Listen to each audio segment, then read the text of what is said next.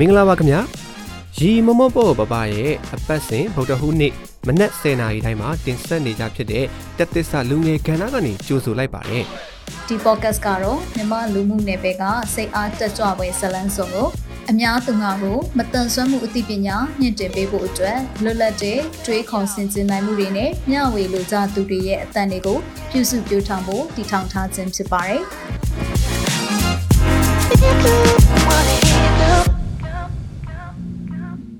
ရီမမပေါ်ပပအစီအစဉ်ရဲ့တက်သစ္စာလူငယ်ကဏ္ဍကနေပြန်လည်ကြိုဆိုလိုက်ပါတယ်ကျွန်တော်ကတော့ကိုပြပါဒီတစ်ပတ်စီစဉ်မှာကျွန်တော်ဆွေးနွေးသွားမယ့်ခေါင်းစဉ်ကိုမြင့်မြင့်ပြန်ဝေဝေသွားပြစ္ဆုတ်ပံကိုတန်မိုးထားလို့နာမည်ပေးထားပါတယ်အဲ့တော့ခေါင်းစဉ်ကြားလိုက်တာနဲ့ကျွန်တော်ပြောချင်တဲ့အကြောင်းအရာတွေကိုခံမှန်းမိကြမယ်လို့ထင်ပါတယ်အဲ့တော့ဟုတ်ပါတယ်မိတ်ဆွေတို့ခံမှန်းတာမှန်ပါတယ်ဒီနေ့အကြောင်းအရာကကျွန်တော်ရဲ့ဘဝအတွေ့အကြုံတွေနဲ့ရှင်ပြီးတော့မှဆွေးနွေးသွားမယ် motivation အစီအစဉ်လေးပဲဖြစ်ပါတယ်အဲ့ တော့အထူးသဖြင့်တော့အသက်35နှစ်အောက်လူငယ်တွေနဲ့အသက်30အောက်လူငယ်တွေအတွက်ကိုအဓိကထားပြောပေးသွားမှာဖြစ်ပါတယ်။ဘာလို့ကျွန်တော်ဒီလိုခွဲပြောရတာလဲဆိုတာကိုကျွန်တော်ဆက်ပြီးတော့ပြောပြပေးသွားပါမယ်။အခုတော့ motivation အစီအစဉ်တွေကိုနားထောင်ရတာမကြိုက်တဲ့မိတ်ဆွေတို့ဆိုရင်တော့ဒီအစီအစဉ်လေးကိုကြော်သွားလိုက်ပါ။တကယ်ပဲဘဝကိုတိုးတက်ခြင်းနဲ့မြင့်မြင့်ပြန်ခြင်းနဲ့ဆိုတဲ့မိတ်ဆွေတွေကတော့အဆုံးထိဆက်နားထောင်ပေးကြပါ။ကဲဒါဆိုရင်ကျွန်တော်တို့အစီအစဉ်လေးကို စလိုက်ကြအောင်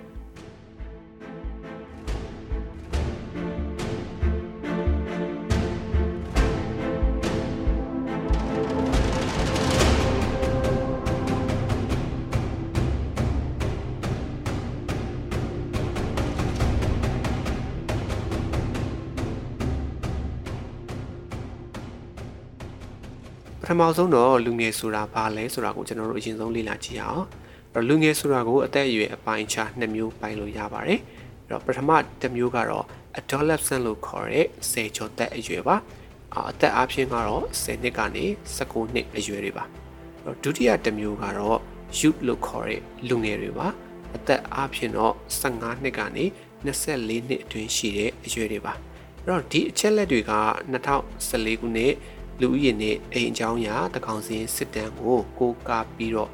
UNFPA website မှာဖော်ပြထားတဲ့အချက်လက်ပဲဖြစ်ပါတယ်။နောက်တစ်ခါ2016ခုနှစ်ဝန်းကျင်လောက်မှာပေါ့ဒီတိုင်းနယ်ပြည်နယ်အသီးသီးကလူငယ်ကိုယ်စားလှယ်တွေတက်ရောက်ဆွေးနွေးခဲ့ကြတဲ့မြန်မာ Youth Forum မှာလူငယ်ဆိုတာကိုအသက်16နှစ်ကနေ35နှစ်အတွင်းရှိရမယ်လို့အဆုံးဖြတ်ခဲ့ကြပါတယ်။အဲ့တော့ဒီအပိုင်းခြားဟာပြည်ထောင်စုအဆင့်သတ်မှတ်ချက်ဖြစ်တယ်လို့လည်းသိထားပါတယ်။အဲ့တော့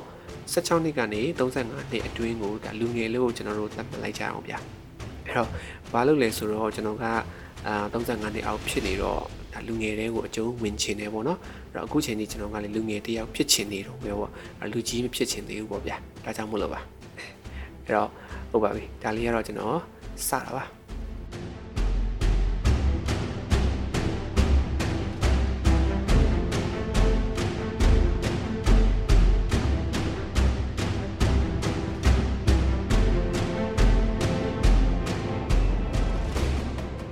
တော့ဒီတော့လူငယ်တွေနဲ့ပတ်သက်ပြီးပြောရရင်ကျွန်တော်ရှေ့မှာပြောခဲ့သလိုအသက်35နှစ်အောက်လူငယ်နဲ့အသက်30အောက်လူငယ်ဆိုပြီးတော့ဒါနှစ်ပိုင်းခွဲပြောချင်ပါတယ်။အဲ့တော့ဒါကလည်းကျွန်တော်ရဲ့အတွေးအမြင်အယူဆဖြစ်လို့မိတ်ဆွေတို့နဲ့သဘောထားချင်းတူချင်မှတူပါလိမ့်မယ်။ဒီအပိုင်းခြားနှစ်ခုကိုရှင်းကြည့်ရအောင်။အဲ့တော့ဒီနေရာမှာလည်းဒါကျွန်တော်ရေဘူးရအခြေအနေကိုပဲကျွန်တော်ပြောပါမယ်နော်။အဲ့တော့ဘယ်ရမဆိုချင်းကျွတ်ဆိုတာတော့ရှိနိုင်ပါတယ်။ဒါကြောင့်ကျွန်တော်ရေဘူးရအားဖြစ်မယ်ကျွန်တော်ပြောပါမယ်။အဲ့တော့ အသက်30အောက်လူငယ်တွေကိုကျွန်တော်တို့ကြည့်အောင်30အောက်လူငယ်တွေဟာများသောအားဖြင့်ကျွန်တော်တို့တက်ကြွမှုရှိကြတယ်ပညာရပ်တစ်ခုခုကိုသင်ယူတာပဲဖြစ်ဖြစ်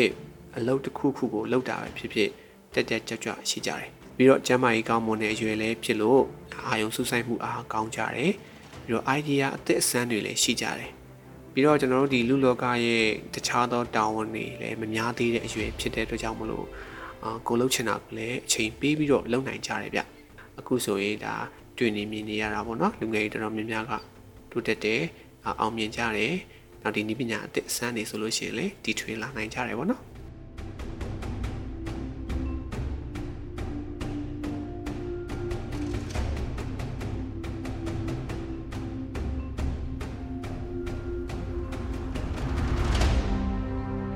အဲ့တော့ကျွန်တော်တို့လို30ကျော်အရွယ်တွေကြတော့များသောအားဖြင့်ကဒါမိသားစုတာဝန်တွေ ပြီးတော့ဒီပတ်စံရှာရမယ့်တာဝန်တွေဒါတွေကမဖြစ်မနေရှိလာပြီဗျအဲ့တော့အိမ်အောင်ရှင်နေဆိုရင်လည်းဒါအိမ်အောင်တာဝန်တွေရှိလာပြီအဲ့တော့ပြီးတော့အာယုံဆုဆိုင်မှုတွေနည်းလာတယ်ကျန်းမာရေးတွေပေါက်ပြန်လာတယ်ပြီးတော့တက်ကြွမှုတွေနည်းလာတယ်လူငယ်လောက်တက်ကြွတော့ဘူးပေါ့နော်ဟိုကျွန်တော်တို့ဆိုလို့ရှိရင်လေဒါလူငယ်ဘဝကိုအာဖြတ်တန်းလာခဲ့ရတာပဲလေနော်ဒီဆက်ရှင်20ဒီလိုဘဝတွေဖြတ်တန်းလာခဲ့ရတာဆိုတော့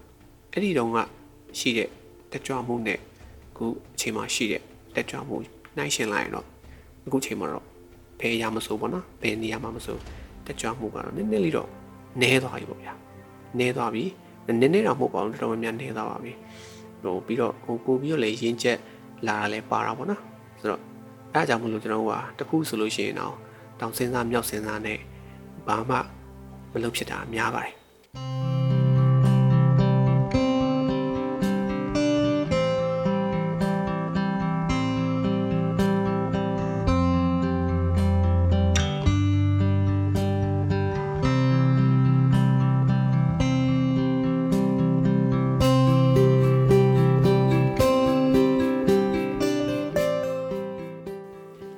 ပညာရဲ့အသစ်တစ်ခုကိုလေ့လာရမယ်ဆိုရင်လေနည်းနည်းအများတော့ခက်ခဲတတ်ပါတယ်ပိုဆိုးတာကစာမကြက်ချင်တော့ဘူးဒါကတော့ဟိုကျွန်တော်ကကျွန်တော်ပြောတာပေါ့နော်အဲ့တော့ကျွန်တော်ဆိုလို့ရှိရင်ဘာသာစကားလေ့လာမှာအရန်ပြင်းသွားတယ်ဒါကြောင့်မလို့ပေါ့နော်အဲ့တော့ဒီအရွယ်နှစ်ခုကိုကျွန်တော်ကဒါနိုင်ရှင်ပြတာပါအဲ့တော့အခုဆိုရင်ဒါကျွန်တော်ဟာအာလူငယ်ဆိုတဲ့အသက်အရွယ်အပိုင်းခြားတစ်ခုကိုထလက်ပြနှုတ်ဆက်ဖို့အတွက်တော့နှစ်အနေငယ်ပဲလိုပါတော့တယ်ပေါ့နော် ဒီအချိန်မှာဒါကျွန်တော်ရဲ့စေကျော်သက်အရွယ်ရော30အောက်လူငယ်အရွယ်ဒီအချိန်တွေကိုပြန်တန်တက်လာမိတယ်။ပြန်လဲလူချင်လာမိတယ်ပေါ့နော်။နောက်ပြီးတော့ဟိုနောင်တရတယ်လို့လည်းဖြစ်တယ်ဗျ။ဘာလို့လဲဘာလို့ကျွန်တော်ဒီလိုဖြစ်တာလဲဆိုတော့ကျွန်တော်ရဲ့ဘဝအတွေ့အကြုံတွေနဲ့တူကျွန်တော်ဆက်ပြီးတော့ပြောပြပါမယ်။အဲ့တော့အခုကတော့ကျွန်တော်ဘဝအကြောင်းလေးကိုကျွန်တော်အနေငယ်ဖောက်တယ်ချခြင်းပါတယ်။။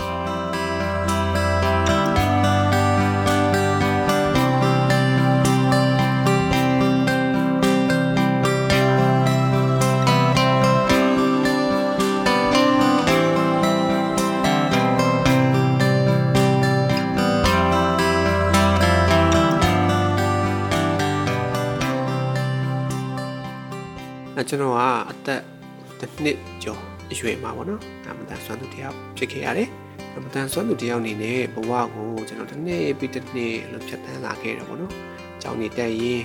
အာကစားရင်ပေါ့နော်ဒီလိုနဲ့ပဲ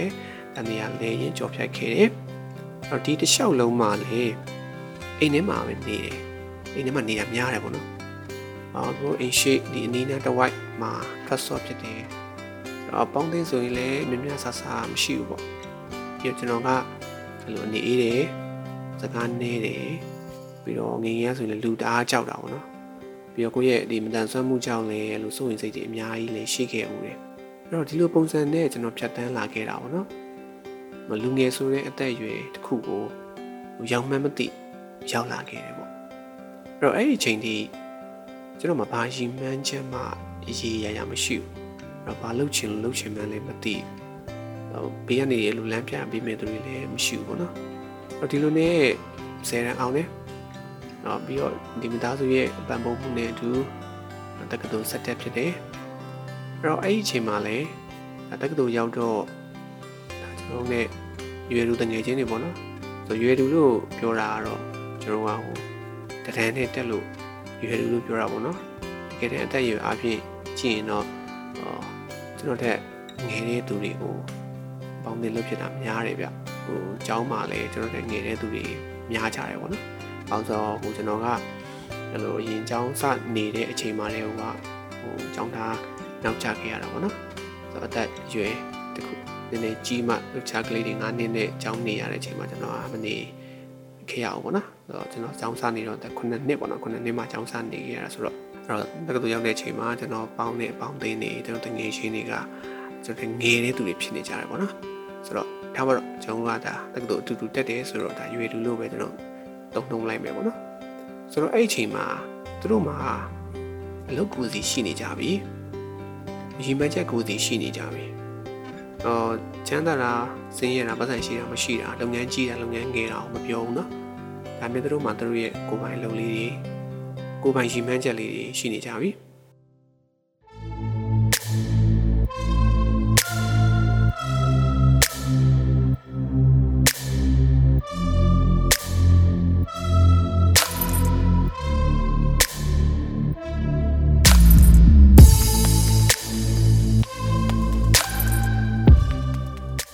ကျွန်တော်မှတော့ဘာမှမရှိသေးဘူးပြီးတော့အဲ့အချိန်ထိဘာအရေးချင်းမှလည်းအဲ့လိုမေမေရမရှိသေးဘူးလို့ပြောလို့ရတယ်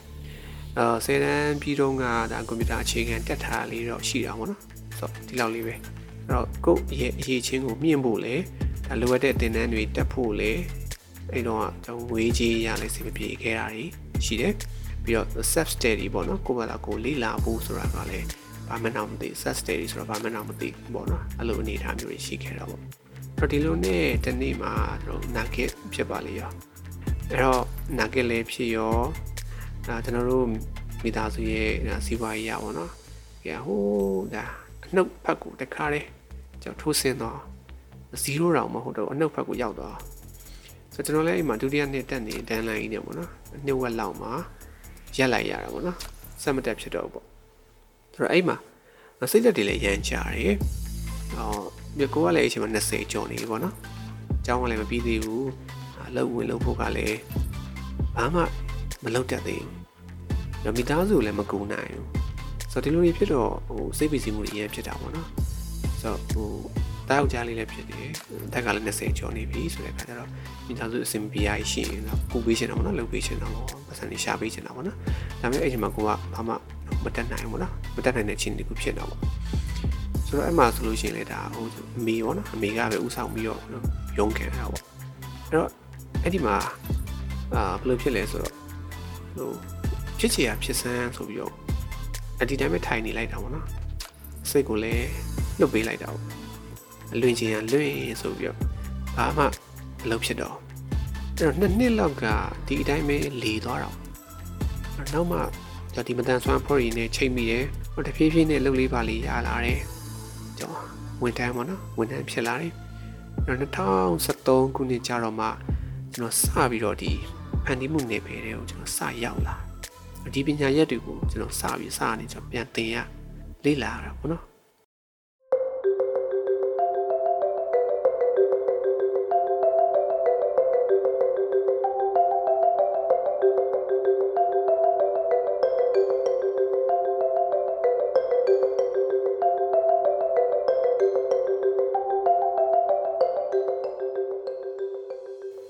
ဆိုတော့ဒီရုံးလုပ်ငန်းတွေပါညာကွိကွာတွေပေါ့နော်ဒီဝန်ထမ်းဖြစ်လာတယ်ဆိုတော့ဒါတွေက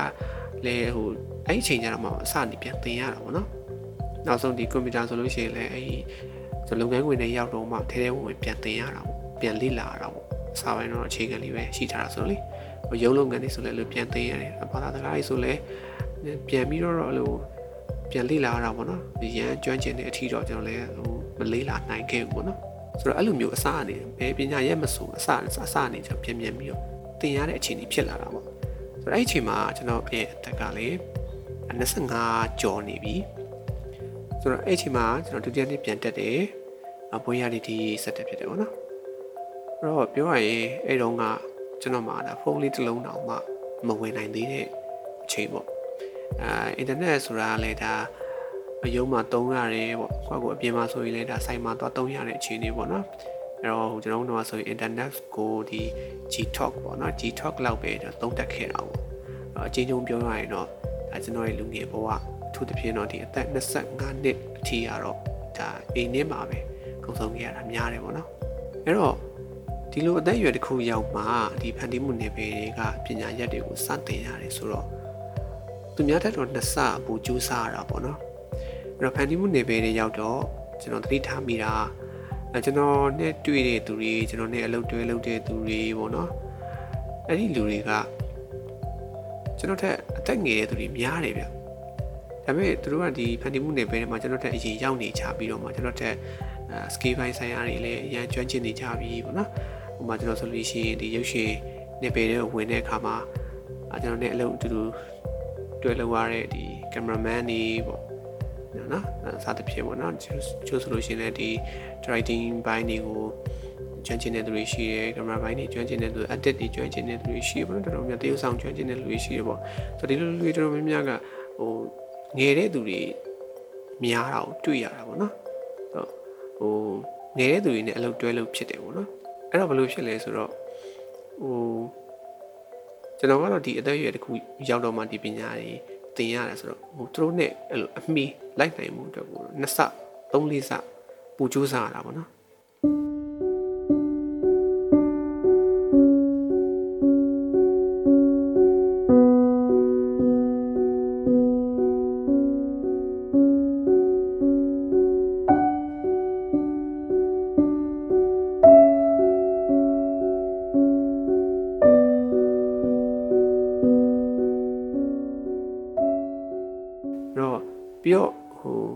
ကျွန်တော်ကလည်းအဲ့အချိန်မှာစိတ်ပိုင်းဖြတ်လိုက်တာတခုပါပေါ့နော်ဟုတ်ပြီဒီပညာတွေကိုမရအောင်သင်မယ်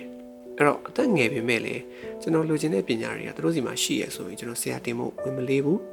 နောက်တလေးတစားသင်ယူဖို့လည်းဝင်မလေးဘူးပေါ့နော်ဆိုတော့အဲ့လိုမျိုးကျွန်တော်စိတ်ပိုင်းဖြတ်ပြီးတော့သင်ယူခဲ့ရတယ်ပေါ့နော်ဆိုတော့အဲ့လိုဒီလိုပညာသင်ရင်းနဲ့လေ့လာရင်းနဲ့မှအကုန်းနဲ့ကိုက်ညီတဲ့အလုပ်နယ်ပဲကိုယ့်ရဲ့ talent ကိုယ့်ရဲ့စိတ်ဝင်စားမှု ကိုယ့်ရဲ့လုံနိုင်စွမ်းဒါတွေကိုမြင်လာပြီးတော့မှအာကိုဆက်သွားရမယ်လမ်းကြောင်းကိုလည်းကျွန်တော်မြင်တက်လာတယ်ပေါ့နော်မြင်တက်လာတယ်အဲ့တော့ဒီအချိန်မှာကျွန်တော်ရဲ့အသက်က30နာကတ်နေပြီအဲ့တော့30နာကတ်တဲ့အချိန်ကြမှစပြီးတော့အခုလိုပညာတွေစပြီးသင်ယူရတယ်ပေါ့နော်ဆိုဟိုရည်စရာပြောရရင်တော့ကျွန်တော်ကြီးမှလက်ပေးတင်တယ်ပေါ့ဗျာအဲ့လိုပေါ့ အဲ့တော့ငယ်တုန်းမှာသင်ခဲ့ရမယ့်ပညာတွေကိုကျွန်တော်အခုကျတော့မှစနေပြန်ပြီးသင်ယူနေရတယ်ပေါ့နော်ဆိုအောင်မြင်မှုရဖို့အတွက်ပေါ့အောင်မြင်မှုတစ်ခုအတွက်အခုမှကျွန်တော်ခြေလန်းစာလန်းဒီလိုဖြစ်နေရပေါ့ဆိုတော့ကျွန်တော်ဟာအခုချိန်မှာဒီတာထွက်ခါစတာဝေးအပြည့်သမားတယောက်လိုပဲဖြစ်ဖြစ်နဲ့လေးလေးပဲသွားနေရတော့မှာပဲတော့ကျွန်တော်ဘဝမှာကျွန်တော်လိုချင်တဲ့အနေအထားတစ်ခုရောက်ပြီဆိုရင်ရောက်ပြီဆိုတဲ့အချိန်ပေါ့နော်အဲ့ဒီအချိန်ကျရင်ကျွန်တော်က အသက်40ကျော်50အတွင်းတော့ရှိနေမှာတော့တေချာပဲလို့ထင်နေဗျအာဒါကြောင့်တခါတလေဆိုရင်လည်းကျွန်တော်ပြန်စဉ်းစားကြည့်မိတယ်ပေါ့နော်အဲအဲ့ဒီလိုကိုလိုချင်တဲ့အချိန်ပေါ့ကိုလိုချင်တဲ့ပြည့်စုံပြီပေါ့နော်ကိုကိုတတ်မှတ်ထားတဲ့ပြည့်စုံပြီဆိုတဲ့အချိန်တစ်ခုရောက်တဲ့အခါကျရင်အဲ့ဒီခံစားမှုတွေကိုကောင်းကောင်းအောင်ခံစားနိုင်မှာတော့မလားဘောနော်ဘာလို့လဲဆိုတော့ဟိုအသက်အရွယ်ရလာတဲ့အမြအများကျမ်းမာရေးတွေဖောက်ပြန်မယ်နော်ကျမ်းမာရေးမကောင်းရင်ပြည့်စုံနေလဲလက်ကားလီနော်စိတ်ချမ်းသာရတာမှမဟုတ်တာဆိုတော့ ဟိုဒါပေမဲ့ဟိုဒီနေရာမှာကြားပြတ်ပေါ့နော်ဒီလိုပြောနေလို့လေအသက်ကြီးလာလို့ငါအသုံးမကြတော့ဘူးငါဘောဟာအဆုံးပြီးငါဘာမှမလုပ်နိုင်တော့ဘူးလို့ဒီလိုကိုကိုမြင်ဖို့เนาะဒီလိုမျိုးစိတ်သက်ကြဖို့ပြောတာမျိုးတော့မဟုတ်ပါဘူးဆိုတော့အသက်ကြီးလာပြီမဲ့လည်းကျွန်တော်တို့ကစူးစမ်းနေရအောင်မယ်အဲတော့ကျွန်တော်တို့ရဲ့တန်ဖိုးတစ်ခုကလည်းဒါရှိနေအောင်ပါပဲပေါ့နော်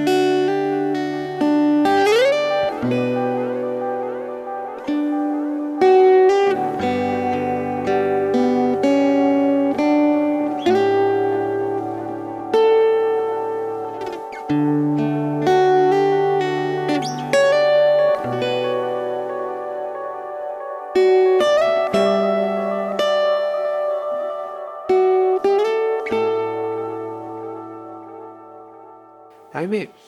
ဟိုကျွန်တော်တို့နိုင်ငံကျွန်တော်တို့လူမျိုးရဲ့ဒီနေပုံထိုင်ပုံစားပုံတောက်ပုံပေါ့နော်ပြီးတော့ကျမ်းမာရေးလိုက်စားမှုပေါ့ဒါတွေကဟိုဒီအနောက်နိုင်ငံလူမျိုးမဟုတ်တဲ့ခါကြတော့ဒီနိုင်ငံမှာကဒါ30ကျော်လာရင်လူတွေကအိုးပြီးပေါ့အိုးပြီးလို့သတ်မှတ်ကြတာပေါ့နော်30ကျော်လာရင်ဟိုလူမျိုးကြီးအပြိုကြီးနော်အပြိုဟိုင်းကြီးလူမျိုးဟိုင်းကြီးစရင်တော့ဝင်လာကြပြီ哦နော်ပြီးတော့တစ်ဖက်မှာလည်းဒီကျမ်းမာရေးကဖောက်ပြန်လာတယ်အဲ့ တော့အိမ်အောင်ကျသွားရင်တော့ဘဝဂိတ်ဆုံးပြီလို့တော့မှဒါတွေးတတ်ချတယ်ပေါ့နော်ဆိုတော့အဲ့တော့ဒီလေးကိုဒီလိုအခြေအနေမျိုးတွေနဲ့ကျွန်တော်ကဒါရှိနေတဲ့เนาะဒီလိုနိုင်ငံဒီလိုအတိုင်းဝိုင်းကြားထဲမှာကျွန်တော်ကကြီးပြနေရတာ哦เนาะဆိုတော့အရှိမတွေးခဲ့တယ်လို့ပဲဟိုအဆင်ပြေပါအောင်မလားပေါ့နော်ဒီအချိန်မှာဒါကြိုးစားနေရတော့မယ်ပေါ့နော် ကြိုးစားနေရတော့မယ်ပေါ့တော့မကြိုးအေးအေးဆေးဆေးတောက်တောက်တတဖြစ်ပြီဆိုတဲ့အချိန်ကြာရင်ရောအဲအချိန်ကြာတော့မှဟိုယောဂတွေထားပြီးဖောက်ပြန်တာနဲ့ယောဂတွေဖြစ်တာနဲ့နော်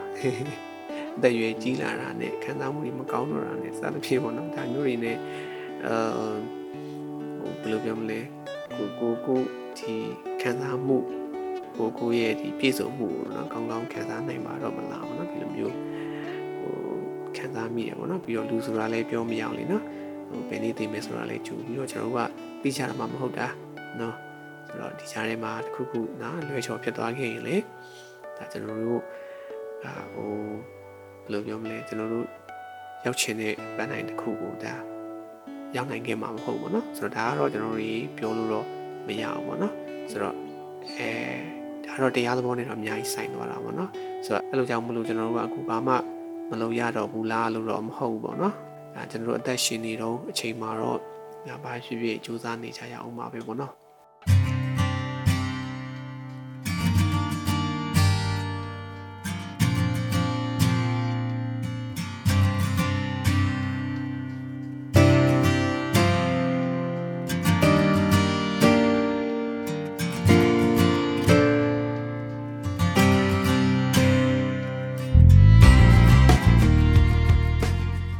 ကဲဟုတ်ပါပြီအဲ့ဒါကြီးကျွန်တော်ထားလိုက်ကြရအောင်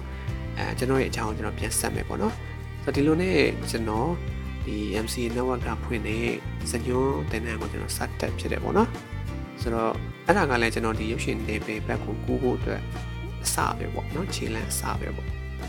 ဆိုတော့အဲ့ဒီလိုကနေကျွန်တော် MC network ရဲ့အကြောင်းသားတစ်ယောက်ဖြစ်လာတယ်နောက်ပိုင်းတင်နန်းနေတောက်ချောက်တက်ဖြစ်တယ်ပေါ့နော်ကျွန်တော်ကိုယ်တိုင်လည်းဒီဖန်တီးမှုနယ်ပယ်တွေကိုရောက်မှန်းမသိရောက်လာတယ် အဲ့တော့အစားပိုင်းတော့ဒီ radio season တွေစပြီးဖန်တီးတယ်ပေါ့နော်ဒီနေ့သက်ဆိုင်တဲ့စာတွေရေးဖြစ်တယ် radio season မှာအတန်သေုပ်ဆောင်တာတွေဒီအစီအစဉ်တင်ဆက်တာတွေပေါ့နော်ဒါတွေကိုလှုပ်ရင်းတင်ရင်းနဲ့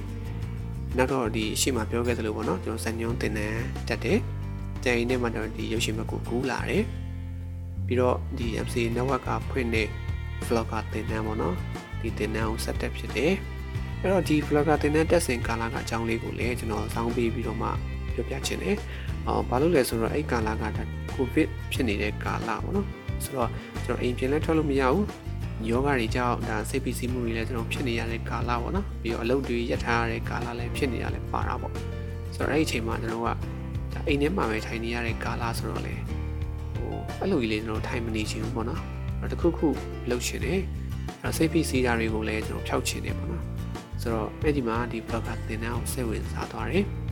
တော့တခြား blogger တွေကိုလည်းကျွန်တော်လေ့လာရင်းနဲ့ပေါ့အားကြတာသူတို့လိုလှုပ်ရှင်လာတာပေါ့နော်ဗီဒီယိုတွေဖန်တီးချင်လာတာပေါ့ဆိုတော့အဲ့ဒါနဲ့ကျွန်တော်တင်တန်းကိုတက်ဖြစ်တယ်စူးစမ်းပြီးတော့တင်ယူရဲပေါ့နော်ဆိုတော့တင်တန်းကကျွန်တော်ဒီ online တင်တန်းဖြစ်တယ်ပေါ့နော်အဲ့တော့ online တင်တန်းဖြစ်တော့ကျွန်တော် internet ကတော့ရေးပါလာတာပေါ့အဲ့တော့ကကျွန်တော်ကဟို wifi မသုံးဟော data နဲ့ပဲသုံးနေတော့ပေါ့နော်အဲ့တော့သင်ခန်းစာတွေကိုဒါဆရာမ group မှာတင်ပေးတယ် ကျွန်တော်တို့ကကြည့်ပြီးတော့သင်ယူရတယ်။အဲ့တော့အိမ်စာတွေလုပ်ရတယ်။ဆိုတော့အဲ့ဒီမှာလည်းခက်ခဲရတာ data ပေါ့နော်။အဲ့တော့ vlogger သင်တန်းဖြစ်တော့ဒါဗီဒီယိုအသားပေးသင်တန်းပေါ့နော်။အဲ့တော့သင်ခန်းစာတွေကဒီဗီဒီယိုဖိုင်တွေဖြစ်တယ်ပေါ့။အဲ့တော့ဗီဒီယိုဖိုင်တွေကို download လုပ်ရတယ်။အဲ့တော့အိမ်စာတွေပြန်လုပ်တဲ့အခါမှာလည်းကျွန်တော်ကဗီဒီယိုဖိုင်နဲ့ပြန်လုပ်ရတယ်။အဲ့တော့ဒီအိမ်စာဗီဒီယိုတွေကို upload လုပ်ရတယ်။အဲ့တော့ဗီဒီယိုဖိုင်တစ်ခုတစ်ခုဆိုရင်မကာဘိုက်ကအနည်းဆုံး 900ကျော်800ဟိုဒီပါရှိတယ်။ဟောတခါလေးဆိုရင် 1GB တွေပါရောရှိခဲ့တယ်ပေါ့နော်။ဆိုတော့အဲ့လိုအခြေအနေမျိုးပါဆို data တအားကုန်တယ်။ရဝင်းမွေနဲတဲ့အချိန်မှာဆိုရင်တော့ဒါ data ပိုးရှာရတာလည်းမလွယ်ကူဘူးပေါ့နော်။ဒါမဲ့လည်းပညာလိုချင်တော့ကျွန်တော်မရရတဲ့နည်းနဲ့ data ပိုးကိုရအောင်ရှာခဲ့တယ်။အာ Twitter လေးနဲ့နေရာကြီးချွေထားတယ်ပေါ့။နောက်ဆုံးဘယ်လောက်ထိလဲဆိုရင်ဒီ Wi-Fi free ပေါ့နော်ရတဲ့နေရာလေးတွေကိုရှာပြီးတော့မှအဲ့နေရာလေးတွေတွားပြီးတော့မှအဲ့နေရာလေးတွေမှာ ဒါလေ့လာရတယ်ပြီးတော့ဒီအိမ်စာတွေတင်ရတယ်ပေါ့နော်ဆိုတော့ဒါတစ်ပိုင်းပေါ့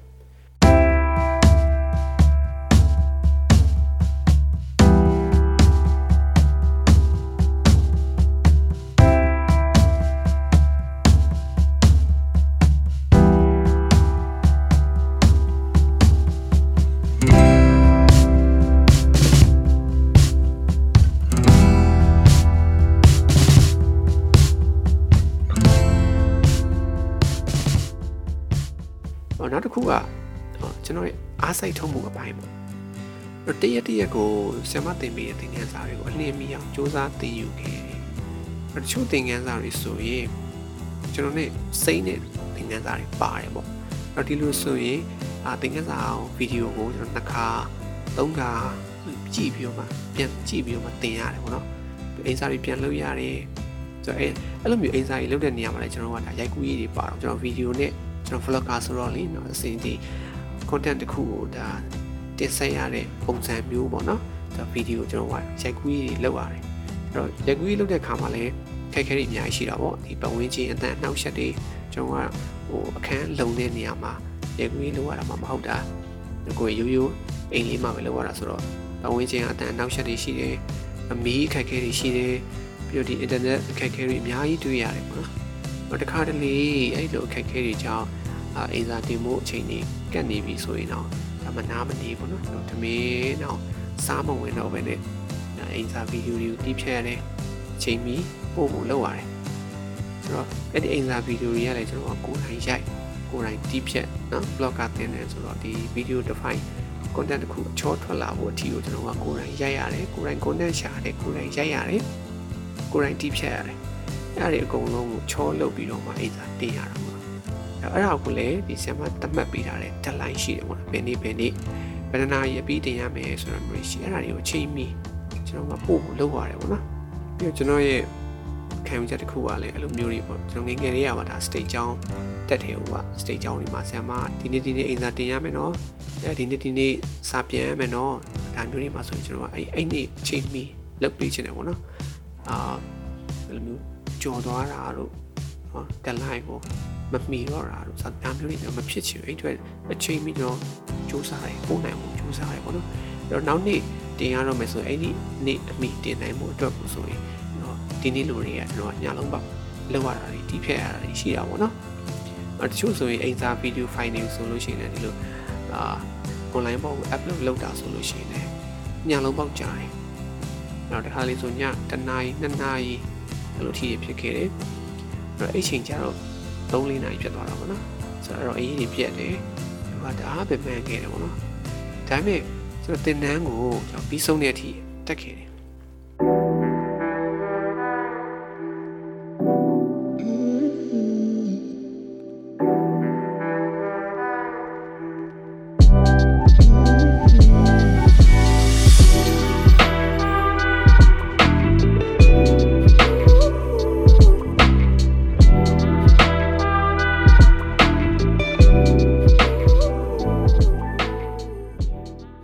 အဲ့ဒီမှာအဲ့ဒီရလက်အနေနဲ့ပေါ့နော်ဘာတွေကျွန်တော်ရခဲ့လေဆိုတော့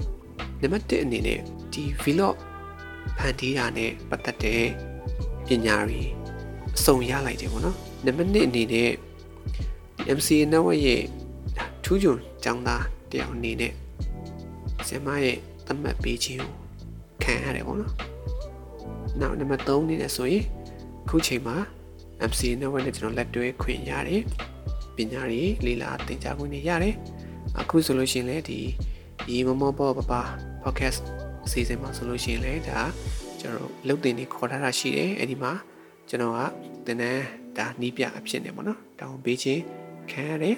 ပြီးတော့ဒီ podcast အစီအစဉ်တွေဒီ live အစီအစဉ်တွေမှာဆိုလို့ရှိရင်လည်းဒါပြင်နိုင်တင်ဆက်သူအဖြစ်နေကျွန်တော်လုတ်ကင်ခွင့်ရတယ်ပေါ့နော်အဲ့တော့အခုချိန်ထိလည်းကျွန်တော်ဆက်ပြီးတော့သင်ယူနေသေးပါပဲအဲ့တော့ခက်နဲ့အမိပေါ့နော် စူးစမ်းလိုက်နေသေးပါပဲအဲ့တော့ဒါကကျွန်တော်ဒီ vlogger သင်တန်းလေးတစ်ခုပဲဥပမာပြောပြတာပေါ့နော်အဲ့ပညာရက်တိုင်းကိုသင်ယူတဲ့နေရာမှာကျွန်တော်ဒီနည်းအတိုင်းပဲကျွန်တော်စူးစမ်းသင်ယူပါတယ်တော့အခုဆိုရင် radio season တို့အာဒီ podcast တို့လိုမျိုးအတန်ပိုင်းဆိုင်ရာဖန်တီးမှုတွေမှာလည်းကျွန်တော်ကြွန့်ကျင်မှုရှိသလိုရုပ်ရှင်ဖန်တီးမှုအပိုင်းမှာဆိုရင်လည်းအထိုက်လျောက်ပေါ့နော်ကျွန်တော်ဖန်တီးနိုင်နေပြီဖြစ်ပါတယ်။အော်ဂီတ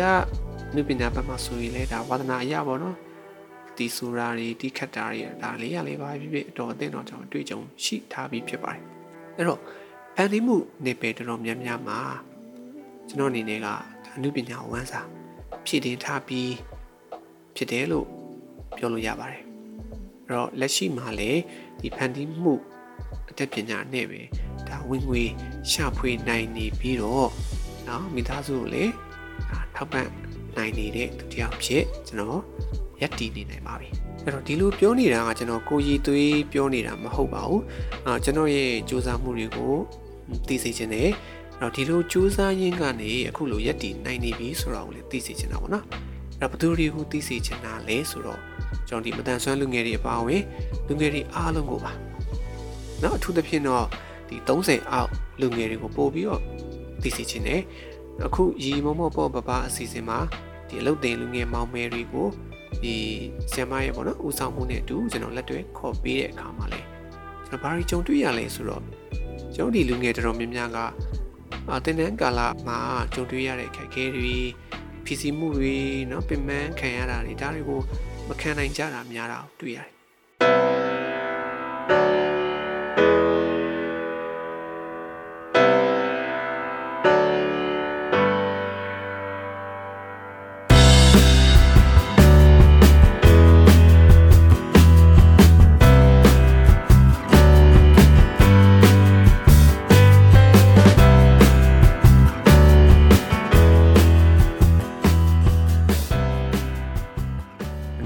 နောက်ပြီးတော့တင်တဲ့ရှောက်တဲ့အခါမှာလည်းကျွန်တော်တို့အစီအစဉ်ရဲ့ခေါင်းစဉ်ကိုကြည့်ပြီးတော့မဟုတ်နော်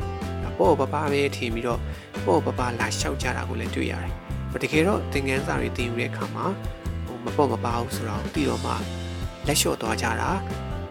နောက်ပြန်ဆုတ်သွားကြတာပြီးတော့ဒီ give up လောက်ကြတာပေါ့နော်ဒါတွေကိုတွေ့ရတယ်။ဆိုတော့တကယ်တော့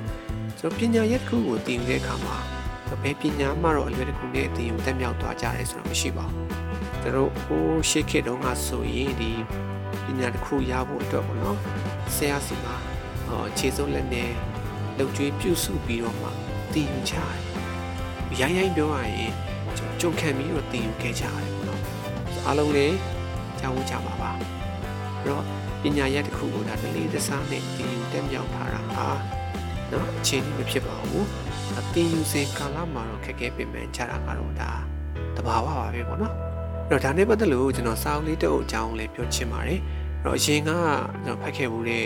စာအုပ်လေးတစ်အုပ်ပေါ့နော်။ဒါကြောင့်ကျွန်တော်သိတော့မမှတ်မိတော့ဘူး။အဲ့တော့အဲ့တော့ပြောသွားတဲ့အချိန်မှာကျွန်တော်မှားပါသွားရင်လည်းကျွန်တော်နားလည်ပြီးပါ။အဲ့တော့မှတ်မိသလောက်ကျွန်တော်ပြန်ပြောပြမယ်ပေါ့နော်။အာစာအုပ်နာမည်ကဒီယောနသန်စင်ရောပေါ့နော်။ကြောက်ဘူးကြမယ်ထင်ပါတယ်။အာအရန်နာမည်ကြီးတဲ့စာအုပ်လေးပါ။အော်အခုလည်းကျွန်တော်ပြန်ဖတ်ချင်လို့ပေါ့နော်။ပြန်ရှာတာတော့မတွေ့တော့ဘူးပေါ့။ဒါပါတော့အဲ့တော့ ဒီစာအုပ်ထဲကဇက်ကောင်ကဒါဇင်ရောပေါ့နော်။ဇင်ရောပေါက်လေးပေါ့။အဲ့တော့ဇင်ရောလေးအပြန်တင်တဲ့အကြောင်းကိုဒါဖွင့်တွေ့ရေးထားတာပေါ့နော်။အဲ့တော့ဇင်ရောလေးကစပြီးတော့အပြန်တင်တဲ့အခါမှာခဏခဏပြုတ်ကြတယ်။အော်အစတော့နည်းနည်းပေါ့နော်။နည်းနည်းပဲပြန်နိုင်တယ်။ပြုတ်ကြတယ်။နောက်၄၅ပြီလောက်ပြန်နိုင်တယ်။ပြုတ်ကြတယ်။မပြုတ်ကြတော့လေမြေကြီးနဲ့ရိုက်မိထိမိပြီးတော့နာကျင်ရတာပေါ့နော်။နောက်တော့ဖြည်းဖြည်းနဲ့မိုးရောပြန်လာနိုင်တယ်။ သူဒီလိုမိုးရောပြန်နိုင်မိုးအတွက်လည်းပြန်တဲ့နီးစနစ်တွေသူတင်ယူရတာပေါ့နော်။တင်ယူရတယ်။ဒါပေမဲ့သူအမြင့်ကိုကောင်းကောင်းမပြန်နိုင်သေးဘူး။အဲ့တော့ကျွန်တော်ကောင်းကင်အမြင့်ကိုရောက်လာလေးလေကျွန်တော်ဒီလေးဖိအားတွေလေးတိုက်နှုံးတွေဒါတွေကမြင့်လာတာ哦ပို့ပြီးလေကျန်းလာတာ哦ဒီတန်တွေကိုခံပြီးတော့ခံရပြီးတော့မှဆက်မပြန်နိုင်တော့ဘဲနဲ့ပြုတ်ကြပြန်တယ်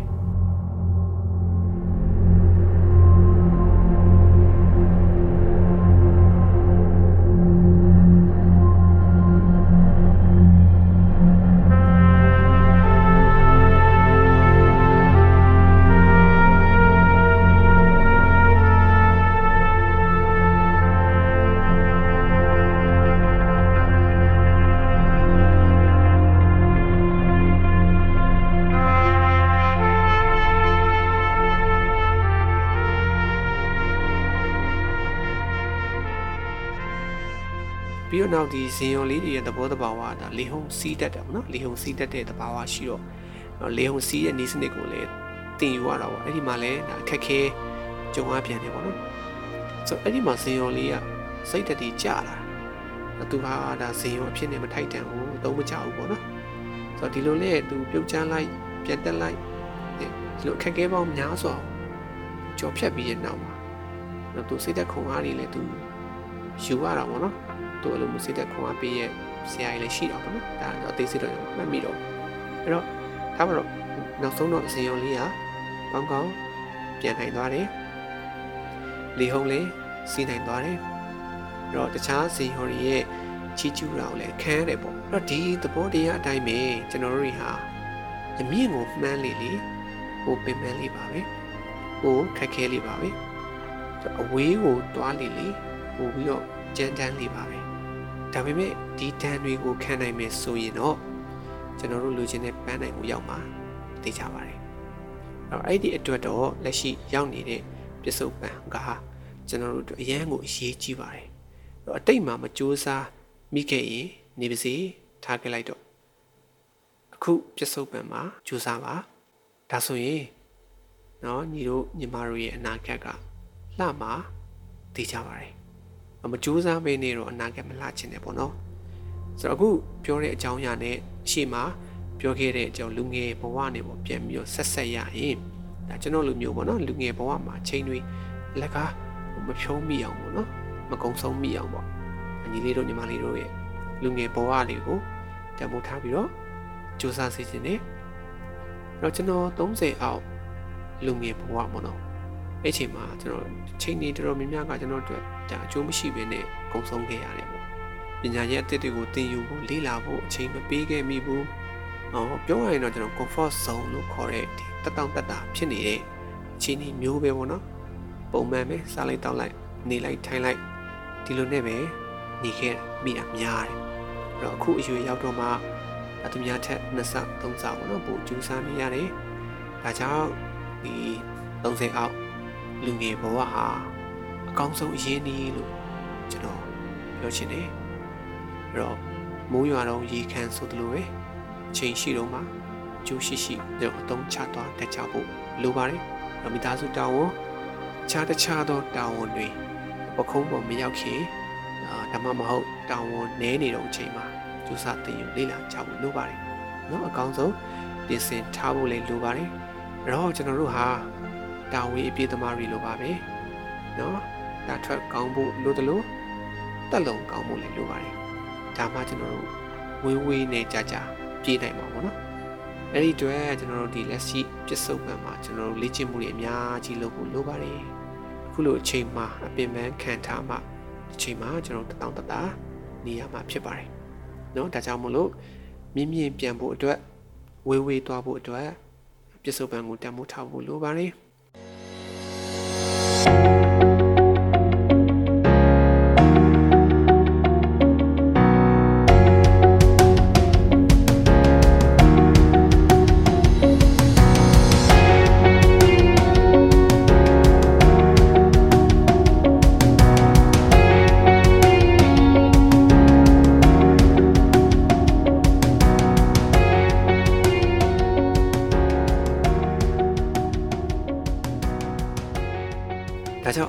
နှစ်ချုပ်ပြီးတော့ပြန်ပြောရရင်မိမိတို့ရဲ့လူငယ်ဘဝလေးတွေကိုတန်ဖိုးထားပြီးတော့ကြိုးစားကြပါတင်ယူလို့ကောင်းဆုံးအရွယ်မှာကြိုးစားတင်ယူပါလက်ရှိအခြေအနေကိုတန်ဖိုးထားပါအနာဂတ်လှဖို့အတွက်ပြစ်စုံပံမှာကောင်းဆုံးကြိုးစားပါတော့ပင်မမှာခက်ခဲမှာရုန်းကန်ရမှာကိုမကြောက်ပါနဲ့ကြော်ဖြတ်နိုင်မှုအတွက်နီလန်ရှာပါတော့ဒီဘက်ခေတ်မှာဆိုရင်တော့ခွင့်လန်းတွေကတော့အများကြီးပါเนาะကျွန်တော်တို့ ခေတ်ကဆိုရင်တခုခုသိချင်သွားမေးရမယ်သူမရှိဘူးတော့လူမရှိဘူးနေရာမရှိဘူးဒီမှာလေးလာလို့လေးလာမှမသိဘူးအခုခေတ်လူငယ်တွေရန်ကန်ကောင်းပါတယ်နော်အင်တာနက်မှာ Google မှာ YouTube မှာနော်အတားလေးတစ်ချက်ခောက်ယုံနဲ့ကျွန်တော်သိချင်တာတွေကိုလေ့လာလို့ရနေပါပြီ။ဒါကြောင့်မလို့အချိန်ကိုကြိုးရှိရှိသုံးစေခြင်းနဲ့နော်ကျွန်တော်တို့တောင်လုပ်နိုင်ခဲ့ရင်နော်ညီလေးတို့ညီမလေးတို့ဘာကြောင့်မလုပ်နိုင်ရပါလဲ။ နော်လူတိုင်းက24နာရီပိုင်ဆိုင်တာချင်းအတူတူပါပဲအသုံးချနိုင်ပုံချင်းပဲကွာသွားတာပါအဲ့တော့မြင့်မြင့်ပြန်မယ်ဝေးဝေးသွားမယ်လို့ရှိမှတ်ထားရင်တော့ဒီစုပ်ပန်းကိုတမှုထားပြီးတော့ကြိုးစားကြစေချင်ပါတယ်နော်ကျွန်တော်တို့လူငယ်တက်တန်းကုံဆုံးတော့မဲ့အရွယ်ရောက်ခါမှနော်ပြန်တန်တာရတာမျိုးနောက်လာရတာမျိုးနော်ဒီလိုဖြစ်မျိုးမကြုံစေချင်ပါဘူးအဲ့တော့အထူးသဖြင့်တော့ကျွန်တော်မတန်ဆွမ်း ညီငယ်ညီမငယ်တွေကိုပြောချင်တယ်မတန်ဆွမ်းအခွင့်အရေးတွေတောင်းဆိုတယ်တောင်းဆိုတယ်ဆိုတာကျွန်တော်မတန်ဆွမ်းမဲ့ဘာဖြစ်ဖြစ်ကျွန်တော်ကိုလှုပ်ပေးရမယ်ခွင့်ရေးပေးရမယ်ဆိုတဲ့တောင်းဆိုမှုမျိုးမဟုတ်ပါဘူးတော့ကျွန်တော်မတန်ဆွမ်းဖြစ်တယ်ကျွန်တော်မှဒီလိုရေးရှင်းနေရှိတယ်ဒီလုံးနဲ့ကျွန်တော်ကိုင်နေတယ်ဒါကြောင့်ကျွန်တော်ကိုလှုပ်ပေးပါကျွန်တော်ဒီခွင့်ရေးပေးပါဆိုတာမျိုးဒီလိုတောင်းဆိုမှုမျိုးဖြစ်ရပါမယ်เนาะနားလည်မှု မလွဲစေခြင်းမူနော်အလုပ်လုပ်ခြင်းနဲ့ပညာတော့မသိခြင်းမူသင်ယူဖို့မကြိုးစားခြင်းမူဆိုတာတော့မဖြစ်စေခြင်းပါဘူးတော့အကြောင်းအမျိုးမျိုးကြောင့်မတင်နိုင်တာတော့ရှိကောင်းရှိမှာပေါ့လေနော်ဒါတော့မဆိုလိုပါဘူးဒါကြောင့်ခုနေပြန်မှန်းခံထားမှနောက်တစ်ချိန်မှာနေရာတနေရာရလာမှာဖြစ်ပါတယ်အဲ့တော့တတောင်တတာနေနိုင်မှာလည်းဖြစ်ပါတယ်ဒါကြောင့်မြင်းမြင်းပြန်ဝေးဝေးသွားဖို့နော်ပြစ္ဆုတ်ပံကိုတန်ဖိုးထားကြပါစို့လို့တိုက်တွန်းရင်းနဲ့ ကျွန်တော်ရဲ့ဒီနေ့ဆွေးနွေးချက်လေးကိုရန်နာလိုက်ချင်ပါတယ်ညီငယ်ညီမငယ်တို့အားလုံးအောင်မြင်တိုးတက်ကြပါစေကျေးဇူးတင်ပါတယ်